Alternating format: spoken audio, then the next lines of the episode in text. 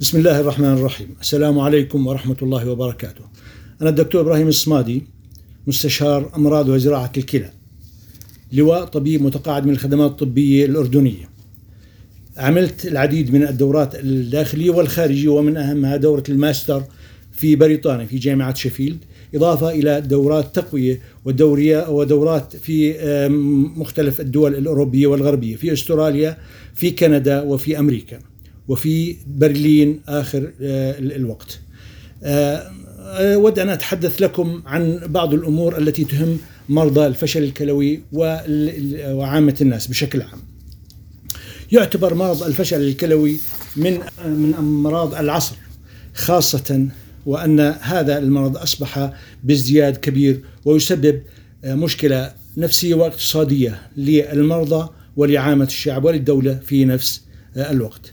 حتى الحديث عن الفشل الكلوي يتطلب أن نعرف ما هو الفشل الكلوي، هو عبارة عن مرض ناتج عن عدم مقدرة الكلى القيام بالوظائف التي تقوم بها كالعادة.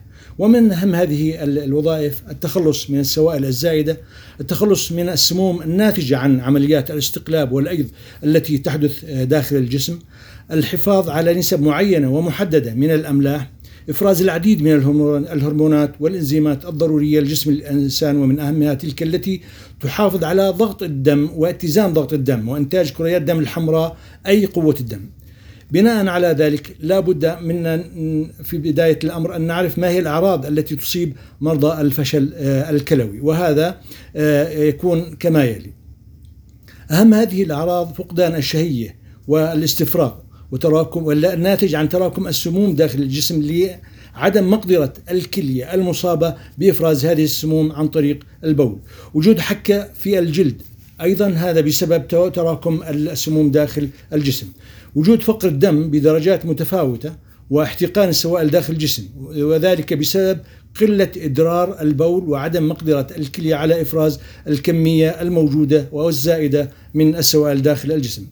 هذه الأعراض قد قد تظهر جميعها مرة واحدة أو بعض منها وبشدة مختلفة من مريض إلى آخر. من أهم أعراض هذا المرض هو حدوث ارتفاع في ضغط الدم وما يصاحبه من صداع شديد في بعض الأحيان. كذلك آه، تقوم الكلية بالحفاظ على بعض المواد الضرورية وتمنعها من التسرب مع البول مثل البروتينات آه، الضرورية للجسم. مراحل الفشل الكلوي يعتبر الفشل الكلوي عبارة عن مرض متدرج في مراحل متعددة ويوجد هناك خمس مراحل آه، تكون من بسيطة متوسطة إلى شديدة إلى مرحلة الفشل الكلوي النهائي حينها بحاجة إلى مداخلات غير مداخلات آه، العلاج. للحديث عن أسباب الفشل الكلوي لابد من التعرض إلى الأمراض التي تؤدي إلى فشل كلوي خاصة الأمراض التي تصيب معظم الناس هذه الأيام ألا وهي السكري وارتفاع ضغط الدم.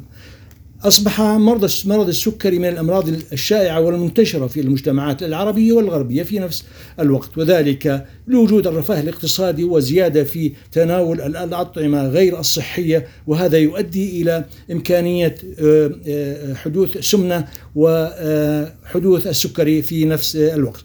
هذا الأمر يحدث في عند صغار السن وعند الكبار في نسب متفاوتة. آه، التغير في نمط الحياة فالكثير من الشباب لا يمارسون الرياضة ويعتمدون على الأغذية الجاهزة من آه، المطاعم والتي تكون مشبعة بالدهنيات وبالأملاح أو ما يسمى أيضا بالجنك فود الذي يتناوله غالبية الشباب هذه آه، الأيام. السبب الثاني هو ارتفاع الضغط ضغط الدم وخاصة مع تقدم السن علما بأن ضغط الدم له عدة عوامل حتى يحدث بالإضافة إلى العامل الوراثي. هناك طبيعة العيش ووجود الضغط النفسي على الإنسان إضافة إلى العامل السابق الذي تحدثنا عنه وهو ازدياد الأوزان والسمنة عند عند عامة الشباب. نوعية الطعام الذي يتناوله الإنسان هذه الأيام أصبح نمط نمط غربي أي الاعتماد على زي ما ذكرت الجنك فود الذي يكون مشبع بالأملاح وبال وبالدهنيات وهذا يتسبب كما ذكرت إلى الأمراض التي تحدثنا آه، عنها.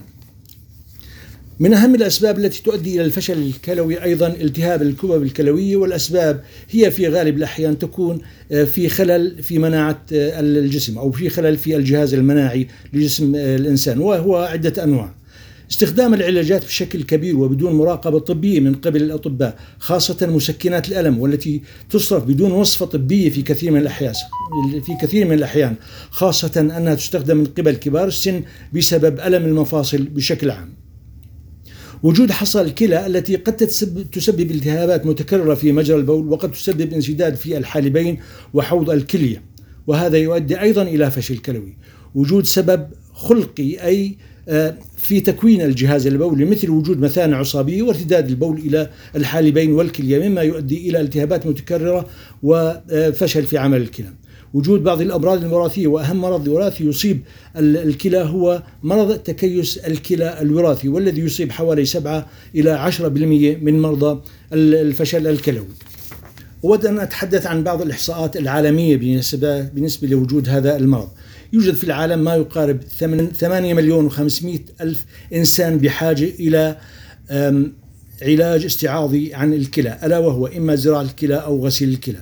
في الأردن يوجد حاليا ما يقارب من 4500 إلى 5000 مريض بحاجة إلى غسيل كلوي وهم آه، قيد العلاج بواسطة الكلية آه، الصناعية. كل عام يصاب في الأردن تقريبا 500 إلى 600 آه، مريض وغالبية المرضى هؤلاء هم من الرجال ونسبة الرجال للنساء هي 58% إلى 42% من النساء. الملفت للنظر أن العديد من هؤلاء هم في سن الشباب 25% أعمارهم أقل من 40 سنة وبالتالي هذا مرض يصيب جميع الأعمار من الطفل وحتى الشيخ الكبير. الأشياء التي تهم المريض والمجتمع بشكل عام هي تكلفة مريض غسيل الكلى بالإضافة إلى الضرر النفسي الذي يتعرض له المريض وأهل المريض ومن يقوم برعاية هذا الإنسان المصاب. هناك تكلفة مادية حيث يكلف المريض الواحد آه، في الأردن من 10 إلى 15 ألف دينار سنويا بتكلفة كلية من 40 إلى 50 مليون دينار.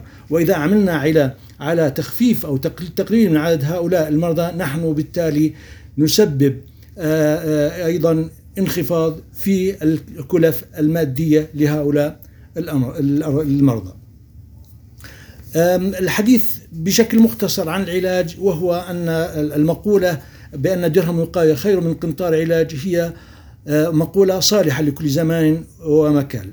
وبالتالي يجب القيام ببعض الأعمال التي تحاول أن تجنبنا مرض الفشل الكلوي النهائي. من ذلك السيطرة على الأمراض التي تسبب الفشل الكلوي وأهمها كما ذكرت في البداية سكر الدم وارتفاع وارتفاع ضغط الدم. لابد من السيطرة على سكر الدم وأن يكون ضمن القياسات المعلومة والمعروفة لدى أطباء أطباء السكري والغدد الصماء. كذلك بالنسبة لارتفاع ضغط الدم يجب السيطرة عليه من البداية وعلى آه، طول الأسبوع وطول الحياة. المحافظة على نسب سكري معتدلة ومعروفة وكذلك السيطرة على قيم ضغط الدم. آه، يجب اتباع حمية مناسبة لهؤلاء المرضى من تنزيل الوزن والمحافظة على الوزن المثالي. إن أمكن آه، أن يكون الطعام صحي قليل البروتين قليل الملح قليل الدهنيات. آه، كذلك المحافظة على رياضة يومية لا تقل عن 30 دقيقة بشكل مستمر ودائم يوميا آه، لجميع الأعمار سواء كانوا كبار أو شباب صغار في السن. كل هذه الأمور يجب اتباعها. المهم هو متابعة المريض من قبل الأخصائي أخصائي الكلى أخصائي السكري وأخصائي ضغط الدم. هؤلاء يجب متابعتهم حتى في حين لا يوجد أي أعراض لدى المريض من يصاب بهذه الأمراض لا بد من متابعة الأخصائي المعني بالأمر وإجراء الفحوصات اللازمة لو كل ثلاث شهور كل ست شهور حسب الحالة المرضية. وبذلك يمكن تجنب حدوث الفشل الكلوي. في نهاية الأمر أرجو لجميع الجميع الصحة والعافية. والسلام عليكم ورحمة الله.